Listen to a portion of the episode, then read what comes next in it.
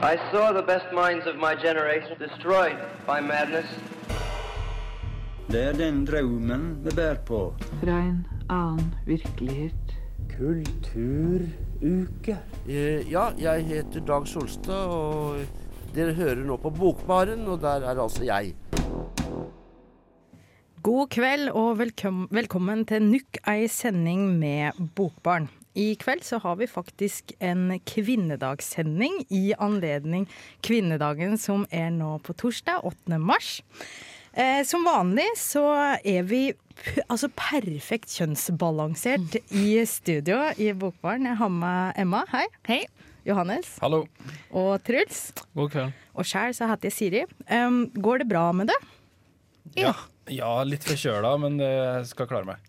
Du klarer deg. Ja. Ja. du har revet deg opp på senga for å være med på denne kvinnedagssendinga. Det har jeg gjort. Ja. Her er det du har eh, lest i dag, eh, Emma. Jeg har lest eh, Lotta Elstad sin 'Jeg nekter å tenke'. Ja. Den har for så vidt jeg lest òg. Gleder meg til å, Mhm. til å diskutere med deg. Eh, Johannes og Truls, du òg har jo fått bryne det på samme diktsamling. Kan du bare kort fortelle her du har lest det i dag? Jo da, vi har uh, tatt for oss et tema vi er veldig kjent med, og det er da 'Kvinner som hater menn' av uh, Sumaya Jirde Ali. Kanskje har du lyst til å opp, eh, opplyse lytteren vår om hvorfor akkurat du er så kjent med kvinner som hater menn, Truls? Vi kan gå inn på det, fordi vi lever i Norge. Tror jeg. vi kan gå inn på det senere, Vi kanskje. kan, ok. Men eh, før vi tar for oss eh, skjønnlitteraturen vi har med oss i dag, så skal vi rett og slett få et krasjkurs i feminismens historie fra en kær. Så Johannes, mansplain away. Nå skal det bli litt mansplaining på feminisme her. Jo, det har seg altså sånn at eh, Debatten om likestilling mellom kjønn den er eldre enn selve begrepet feminisme. Jeg har lest meg til.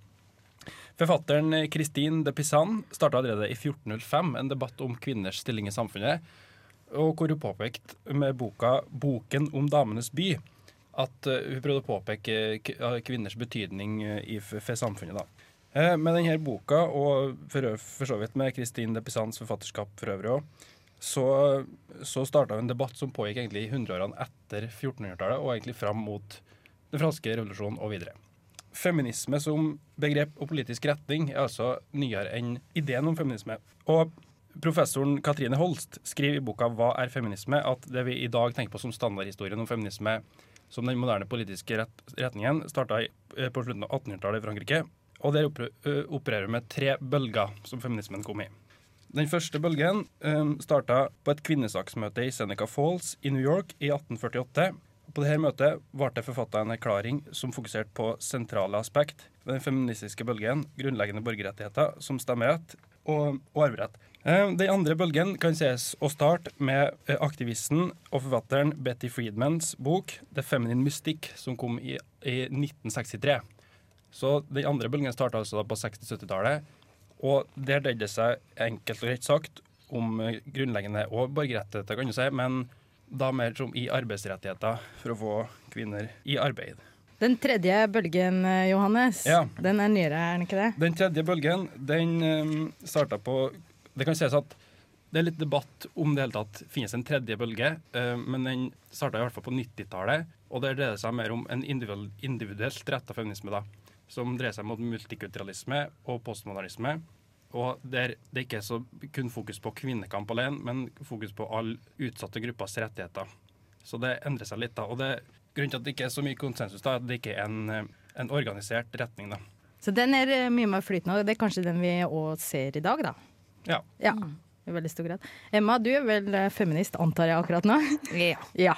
Har du, eh, på en måte, har du noen bølge du, du føler deg mer eh, Jeg har alltid vært veldig fascinert av den eh, andre bølgen, da, som du liker å kalle den. Men eh, så lever jeg jo, som du sier, i den tredje bølgen, så er jeg jo engasjert i den, da, kan du si. Eh, Arbeiderrettigheter begynner vi å få på plass, da. Så, så liksom ikke min store, store kampsak nå. Ja. Eh, det, Johannes, er du feminist, eller mener du at likestilling har gått for langt? Da tar jeg feminist. Ja. Truls? Jeg syns stemmerett, er- stemmerett er jeg enig resten er jeg ikke enig i. OK. ok. Fuck Truls, for å parafrasere Sumaya Yrde Ali her. Jeg er òg selvsagt feminist. Jeg tror kanskje den dama vi skal høre spille nå, er feminist. Vi skal høre OK Kaya med IUD.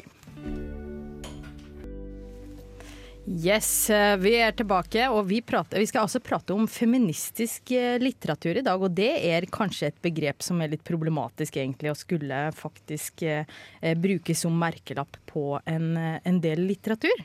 Ja, for min del tenker jeg i hvert fall bare det at det kan kanskje bli litt reduserende å bruke en sånn isme da, på, et, på litteratur, som man i utgangspunktet tenker skal være kanskje mer kunst og estetikk og noe fritt, og noe som kan favne mer. da. Og det gjelder, jeg tenker at det ikke gjelder bare feminisme, men det blir det samme som om hvis man skulle ha sagt her er kommunistisk litteratur, eller her er sosialistisk litteratur. Så blir det kanskje litt sånn begrensa fortolkning. Um, et eksempel som jeg tror vi har snakka om før i Bokbarn, er jo den um, 'Av måneskinn gror det ingenting' av hun Torborg Nedrås. Er ikke det det heter? Som, som man kan, som du sa under låta, her, at det er feministisk litteratur. Og jeg er jo enig i det, for den har jo et budskap da, om at uh, kvinners uh, selvbestemmelse over uh, egen kropp og abort og sånn er viktig. Men er det den eneste fortolkningsmuligheten, liksom, tenker jeg, i boka?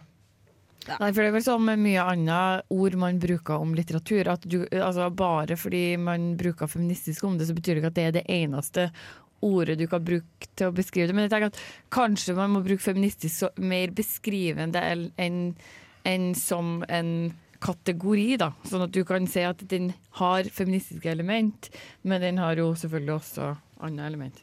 Ja, samt at du, du slenger jo på den kanskje tankegangen om at forfatteren her har en agenda. At det boka, litteraturen, er rett og slett for å spre en agenda eller en ideologi, når det i utgangspunktet kanskje bare kan være det at nei, jeg ville bare skrive om, eh, om kvinners rettigheter, f.eks. Ja, det er akkurat det. Ofte så kan det like gjerne handle om et ønske om å fortelle en historie som det er å på en måte skulle sette problemer under debatt, da, for å låne, låne en formulering ifra, ifra vår kjære Georg Brandes.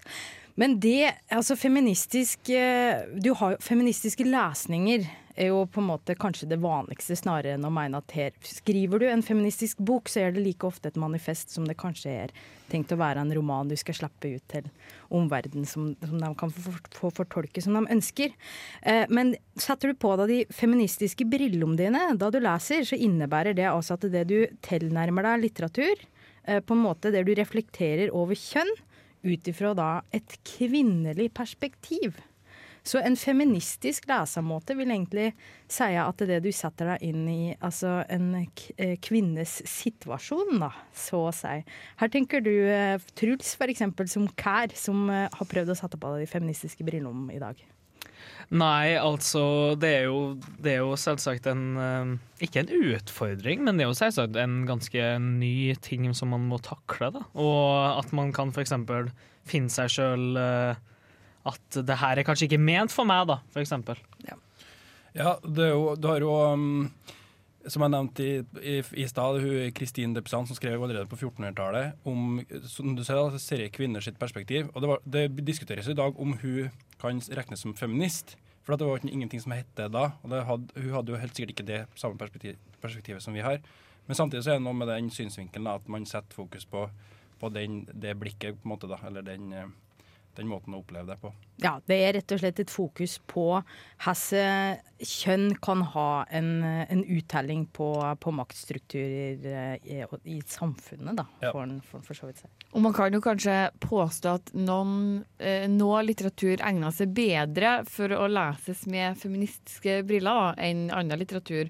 Fordi at, eller i hvert fall noe litteratur blir kanskje mer interessant å lese med feministiske briller enn annen litteratur. Fordi de, den diskuterer ting som er mer relevant for feminismen enn annen. Og den boka vi har lest til i dag, Emma, Lotta Elstads 'Jeg nekter å tenke', det er kanskje ei bok som tjener på å sette på seg de feministiske laserbrillene? Ja, det vil jeg nok si. Yes. Vi skal prate mer om det, men først så skal vi høre den her nysprungne artisten Hayley med 'Youth'. Vi har på oss de feministiske brillene i studio, vi. Og du og jeg, Emma, vi har rett og slett kost oss med Flamme Forlags og Lotta Elstads 'Jeg nekter å tenke' til i dag. Her er det for bok. Ja, det, det er eh, ei bok som kom ut i fjor, 2017. Eh, skrevet av som du sier, Lotta Elstad. Hun er født i 1982, og 'Jeg nekter å tenke' er hennes tredje roman. Og hun er, eh, hun er kritiker, hun har også skrevet en del dokumentarbøker.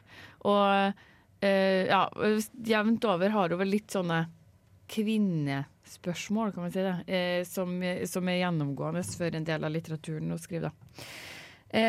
Og på Framme Forlag sine, eh, sin nettside så beskriver de romanen eh, 'Jeg nekter å tenke' som en feministisk og kroppsfilosofisk komedie om politikk og kjærlighet. Det syns jeg var en veldig fin, fin beskrivelse.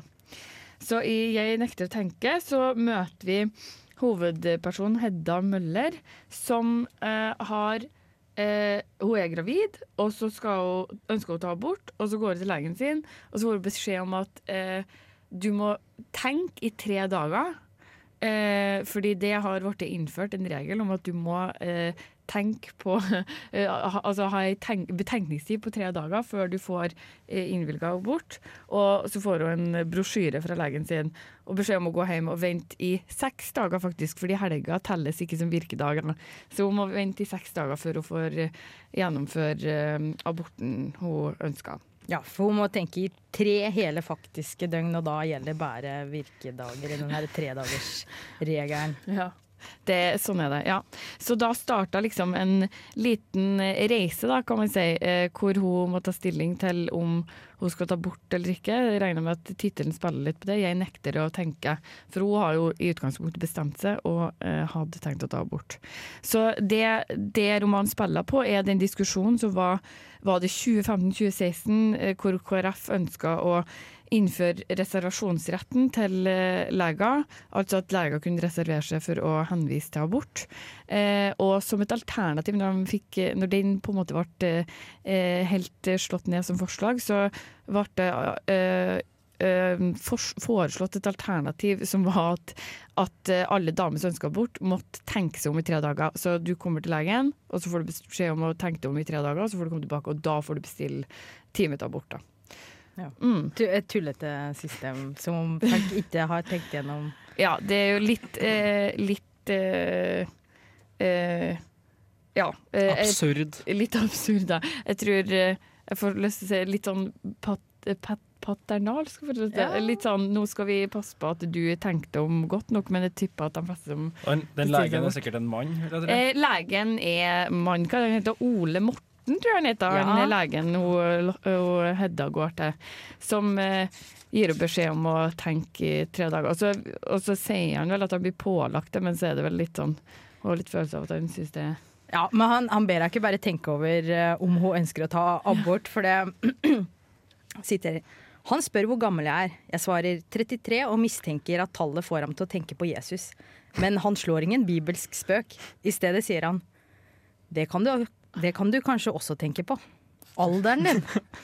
Så, så her har du da den mansplainende Ole Morten som ikke bare ber henne tenke på om hun ønsker å ta abort, men hun må òg begynne å tenke på, på alderen sin. Ja.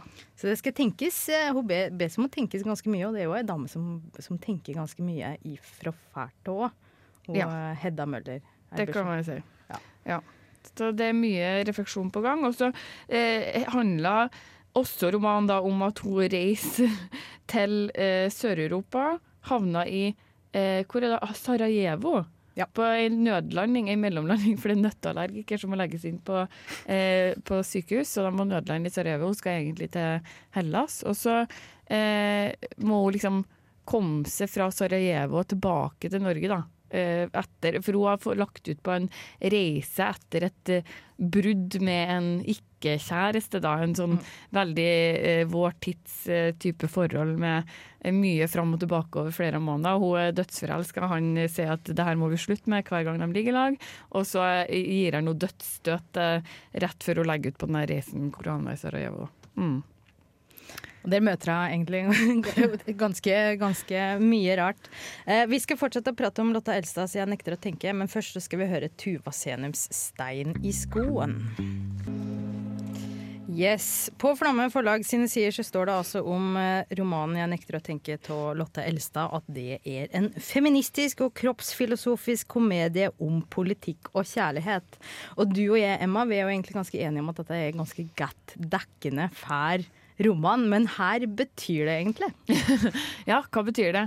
Um vi kan jo begynne med komedieaspektet, kanskje. At uh, det er en veldig morsom roman. Det, uh, utover roman så møter eh, hovedpersonen Hedda en eh, fyr som heter Milo, som er en veldig finurlig karakter, kan man si. Og han eh, gir eh, hele historien en ganske sånn eh, humoristisk preg, vil jeg si, i tillegg til at hovedpersonen er en veldig eh, Hva skal jeg si sånn Og ganske kritisk og sarkastisk dame, da. Som, som gir hele romanen et ganske sånn komisk aspekt.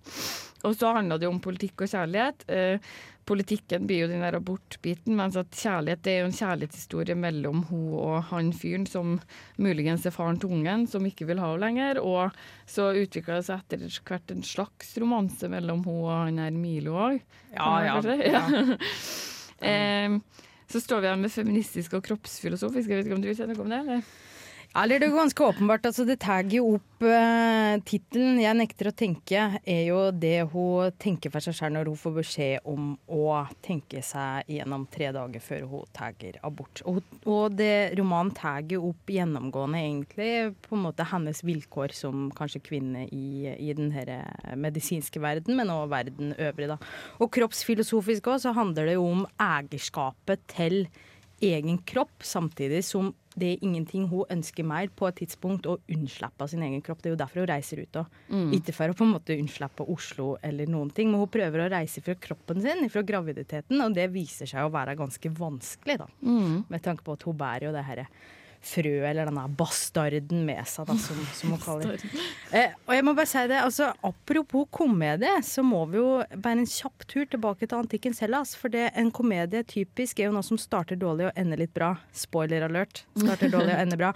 Og det ser du jo her òg, ikke sant. At det, hun kommer jo fram til en eller annen form fær. Eh, både innsikt, men òg closure, da, for å bruke et eh, begrep fra vår tid.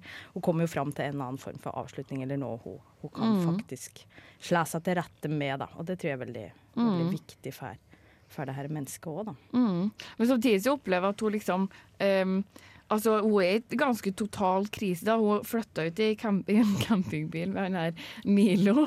Bor, og det er sommer, så de kan jo selvfølgelig overleve fint der. Men så har hun liksom innimellom som en sånn For hun er, hun er frilanser, men så har hun blitt sparka av frilanserbyrået sitt. Og, så hun er liksom i litt sånn krise, da, kan du si, gjennom store deler av romanen. Og på en måte, og bare i stor grad tar egentlig ikke stilling til den her aborten heller. Fordi det er jo det som Ja, at, at det at hun har fått den ti- tenketida, gjør jo hele prosessen egentlig mye verre enn om hun hadde fått gjennomføre aborten Ja, ja, når hun ville. Selvsagt. Liker du boka, eller? Ja, jeg syns det var veldig artig. Og så ja, setter den jo eh, eh, feministiske problemer under debatt. Og så liker jeg veldig godt at den tar opp et faktisk eh, eh, Altså det er jo en alternativ virkelighet, men hun tar opp et, eh, et veldig aktuelt tema da, som faktisk var debattert i norsk media og politikk. Mm. Ja, så slik så, så er det egentlig en roman som skriver seg ganske greit inn i sin egen samtid, med fokus da på denne reservasjonsretten. Og vi skal straks prate om en annen en, Sumaya Jirde Ali. Men først eh, pause. Hei, hei. Eh, Dette er Vigdis Hjort. Jeg liker navnet på denne radiokanalen, Radio Revolt. Hør på magasinet Bokbarn. Det å sitte på bar og lese bok, det er ikke det verste. Vi fortsetter i 2017 vi med nok en utgivelse som kom da av eh, samfunnsdebattant og forfatter da Sumaya Jirde Ali. Akkurat nå, i dag, så er han nok ikke mest kjent for denne her utgivelsen 'Kvinner som hater menn', men for det hun er så utrolig mye debattert og får utrolig mye hets i media om dagen. Truls, kan ikke du sette oss litt inn i den Jirde Ali-debatten? Det skal jeg absolutt. Og som de fleste gode ting, så begynner jo alt med Klassekampen. Og hun, hun, var da, hun er jo fortsatt spaltist i Klassekampen, og hun er født i 1997. Og hun ble da en markant riksfigur når hun ble, fikk rykte på seg som en ganske fremtredende og skarp kritiker av særlig Sylvi Listhaug. Og etter mye om og men så ga det her muligheten for hun å faktisk debattere Sylvi Listhaug på NRK Debatt. Og for å ikke legge skjul på det, så var det ekstremt mye direkte kritikk av Sylvi Listhaug og den hetsen hun hadde fått fra tilhengerne Sylvi Listhaug. Og den, når den snøballen av Sylvi Listhaug-hets begynner, da slutter den jo gjerne ikke. Så hun, da, hun ble sengeliggende til slutt, rett og slett av alt det her hetsen og kritikken hun fikk. Og det resulterte jo i også denne her boka, eh, diktboka som het 'Kvinner som hater menn', altså. Og også en, eh, en liten eh, en liten konflikt med Resett.no-redaktøren ovenfor eh, ytringsfriheten og moderering av kommentarer og rett og slett diskrimineringa hun opplevde. da. Drapstrusler også. Ja. Drapstrusler, eh, navnekalling. Hun får i det mye Altså i det hele tatt ganske hard medfart av de som er kritiske til hennes budskap, og budskapet hennes òg kan vel noen ganger være her skal jeg si, ganske satt på, på spissen. Hun skyr jo ikke bruken av banneord, f.eks. Nei. Usensurert, rett og slett. Mm. Men absolutt det er politisk slagkraft, vil nå man påpeke. Ja. Ja, Over til boka, så, så fortsetter den egentlig litt samme spor. Da. Jeg vil si at Det er et vitnesbyrd fra en minoritet da, med innvandrerbakgrunn. Um, og Det handler om å bli sett på som en, stadig å bli sett på som en av de andre, liksom. Som en innvandrer, eller som farga, eller som somalier eller muslim. Um, og det handler om å på en måte bli, å føle seg tvengt av majoriteten da, til å gi slipp på sin identitet da, gjennom de tingene her. Um, og diktene, Truls, det er jo mye forskjellig tematikk. Du nevnte tidligere her at det er en diktsamling som tematisk sett favner ganske bredt, egentlig. Ja, absolutt. Den, eh, det er jo ikke mangelen på minoritetsaspekter her. Absolutt. Det her er jo en muslimsk kvinne, ung og eh, Ja, det var det, faktisk. Innvandrer var det. Innvandrer. Og Så da har vi da, for, for å da komme tilbake til kvinnedagsaspektet, da, så har vi da det diktet her, da.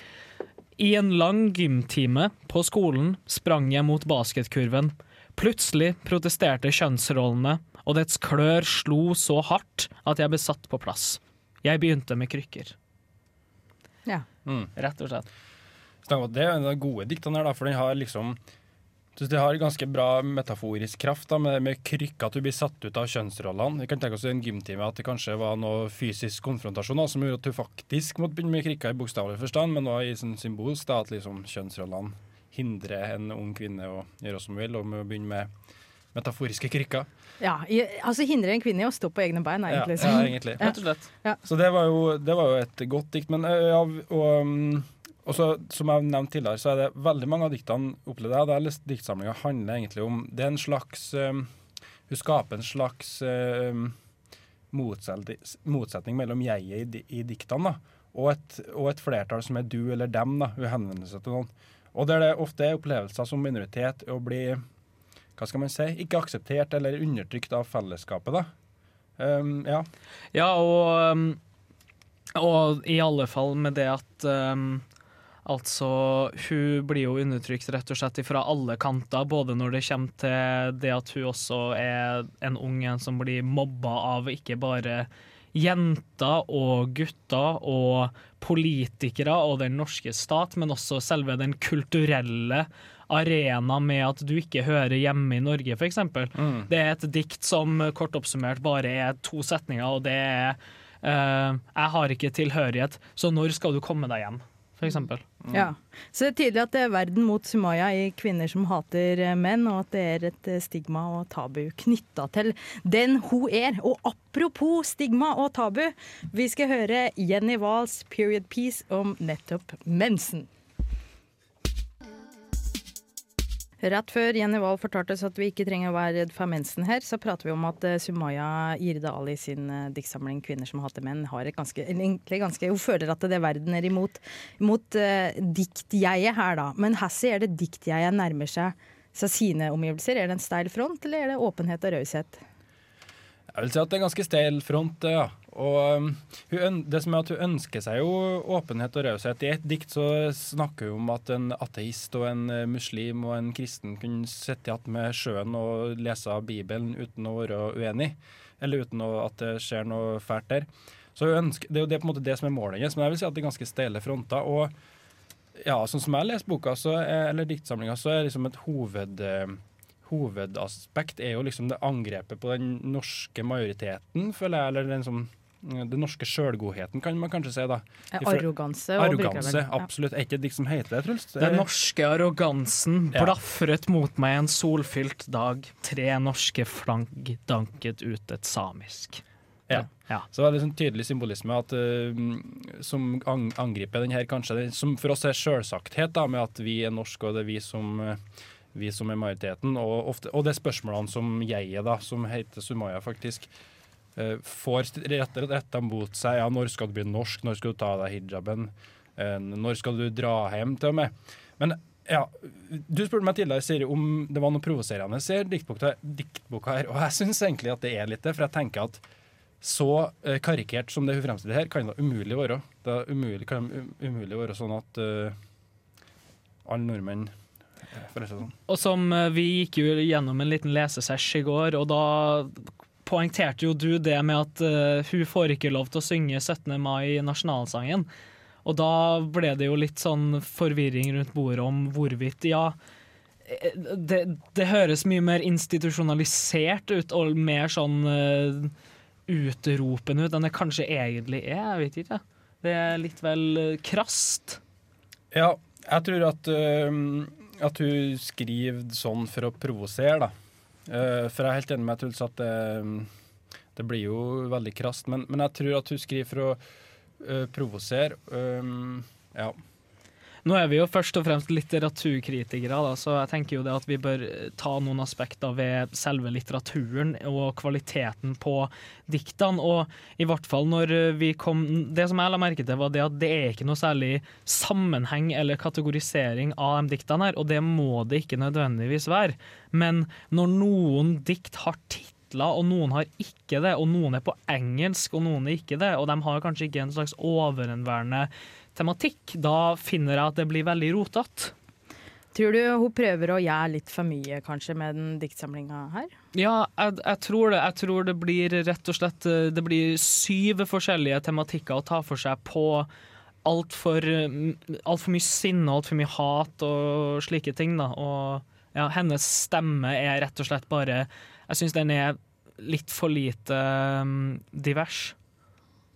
Ja, jeg er også enig i det. og Jeg, tror, hun er jo politisk aktivist, og sånn, jeg tror jeg er helt enig i det som Truls sier, som du stilte spørsmål om, sier, at hun vil for mye. da.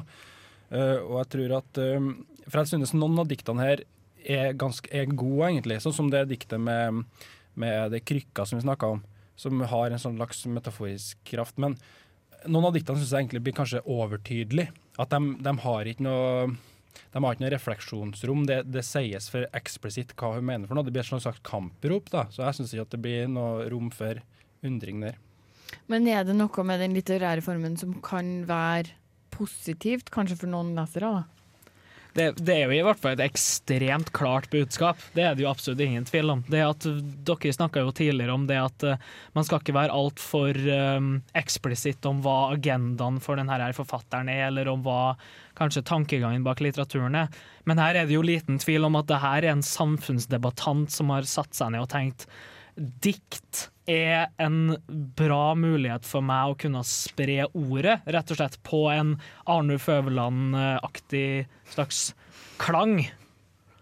Ja, og så syns jeg jo at altså, det problemstillingene og, og te temaene som belyses her, da, som, uh, som en minoritet eller en minoritetskvinne i tilfellet møter på, dem er jo troverdige og reelle nok. Så det er jo et slags uh, varsku kanskje som man kan ta på alvor. det. Og som leser så ble jeg litt sånn ja, som sagt, den både provoserte litt og fikk meg til å tenke litt sånn Ja, faen, er det virkelig så jævlig å være Sumaya, liksom? Uh, sånn at Så på den måten så fungerer det den enkle og direkte formen, kanskje, da. uh, på et vis. Men jeg synes uansett at uh, Ja. Det blir så direkte at det kanskje ikke blir noe, at man ikke kommer noe videre enn det da, når formen er, språklige formen er så enkel. Men kort oppsummert, liker du det, Johannes? Om jeg likte diktsamlinga? Ja. Nei, jeg syns ikke at den det, det, traff meg så veldig Ikke noe politisk Eller ballespark? jo, også, jo, det er akkurat det. Sånn at, det som er så rart. At det er sånn Politisk ballespark er det jo, men ikke sånn litterært sett. Så fikk jeg ikke så mye ut av den. Det litterære håndverket er absolutt ikke til stede. Oi, oi, det var eh, krasse ord eh, avslutningsvis ifra Truls. Eh, Vi skal høre Myras 'Føler meg selv'. Yes, det var Myra, det. Norges eh, neste store kvinnelige rapphåp, kanskje, ved sida av Linda Vidala. Vi spiller jo faktisk eh, musikk med damer i front i dag i anledning kvinnedag-sendinga vår. Yes. Eh, vi prater om feministisk litteratur, eller eh, litteratur som tar for seg særs kanskje kvinne, kvinnetema. Feministiske lesninger handler jo ofte om å skulle ja, sette seg da inn i en annen situasjon og se kjønn i, i et kvinnelig perspektiv. Eh, kanskje veldig typisk for en del feministisk litteratur, eller at det er litteratur som kan finne på å moralisere eller rope eller være veldig sånn offensiv og ekstrovert. Eh, og Truls og Johannes, du har jo lest Sumaya Jirde Ali til i dag. 'Kvinner som hater menn'. Det er en ganske det er en sterk påstand, eller en ganske Altså å hate noen. Men eh, tilsvarende sterkt, kanskje. Eh, det var sagt før låta at, at du, var det du Johannes, som ikke helt trodde på det, eller var det Truls? Um, nei, altså Det er ikke at jeg ikke tror på at det føles sånn for, kan føles sånn for en minoritet, men det, det jeg mente var mer det at um, i denne boka så synes, oppleves det for meg som framstillinga blir veldig ensidig. Mm. Som at det ikke er noen nyanser, eller at det ikke er noe, at det ikke er noe håp for at uh, majoritetsnordmannen kan være forståelsesfull, eller, eh, eller sånn. Ja, for det, det høres ut som det er en roman hvor du på en måte ikke har Diktsamling. noen Ja, unnskyld, diktsamling. Hvor det ikke er noen eh, hjelpere fra majoriteten, da, på en måte, hvor alle i majoriteten står imot minoriteten. Er det litt sånn å forstå? Ja, el, ja.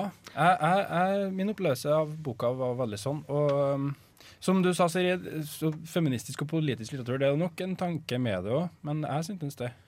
Ja, for det du etterspør her, er jo en annen form for nyansering eller perspektivering. Eller det her stære bildet, da. Ja. Og det er jo en grunn til at feministisk litteratur, po altså politisk, sosialistisk, Mm. postkolonialistisk litteratur finnes. Og det er jo fair å kunne framsette og vise og presentere den her helt are sida som ikke får så mye oppmerksomhet. Da. Er det da egentlig problematisk at litteraturen roper entydig?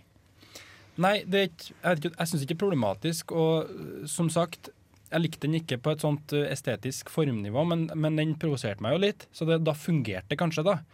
Eh, men det som, hvis man skal tenke at det er problematisk, så tenker jeg at man kanskje ikke At uh, man kunne ha kommet lenger med en refleksjon som var mer nyansert, da. Mm. Som har fått, fått meg mer til å forstå hennes situasjon. Vi snakka vel litt om før sendinga i dag at at hun kanskje ikke evner så godt å, å, å sette oss inn i hennes opplevelser. Hun bare besk- sier hva som har skjedd med seg. Og da tror jeg det blir vanskelig å oppnå som det hun vil få ut av denne boka, her, det er å ha en nyansert debatt om hvordan det er å være ung muslim og kvinne i Norge.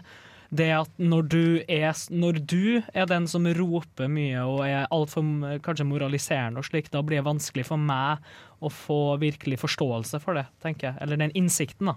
Ja. Hva tenker du da, Emma, som kvinne, når du leser eh, litteratur som tar for seg kvinnetemaer? Er det enkelt eller vanskelig å leve seg inn i, kanskje?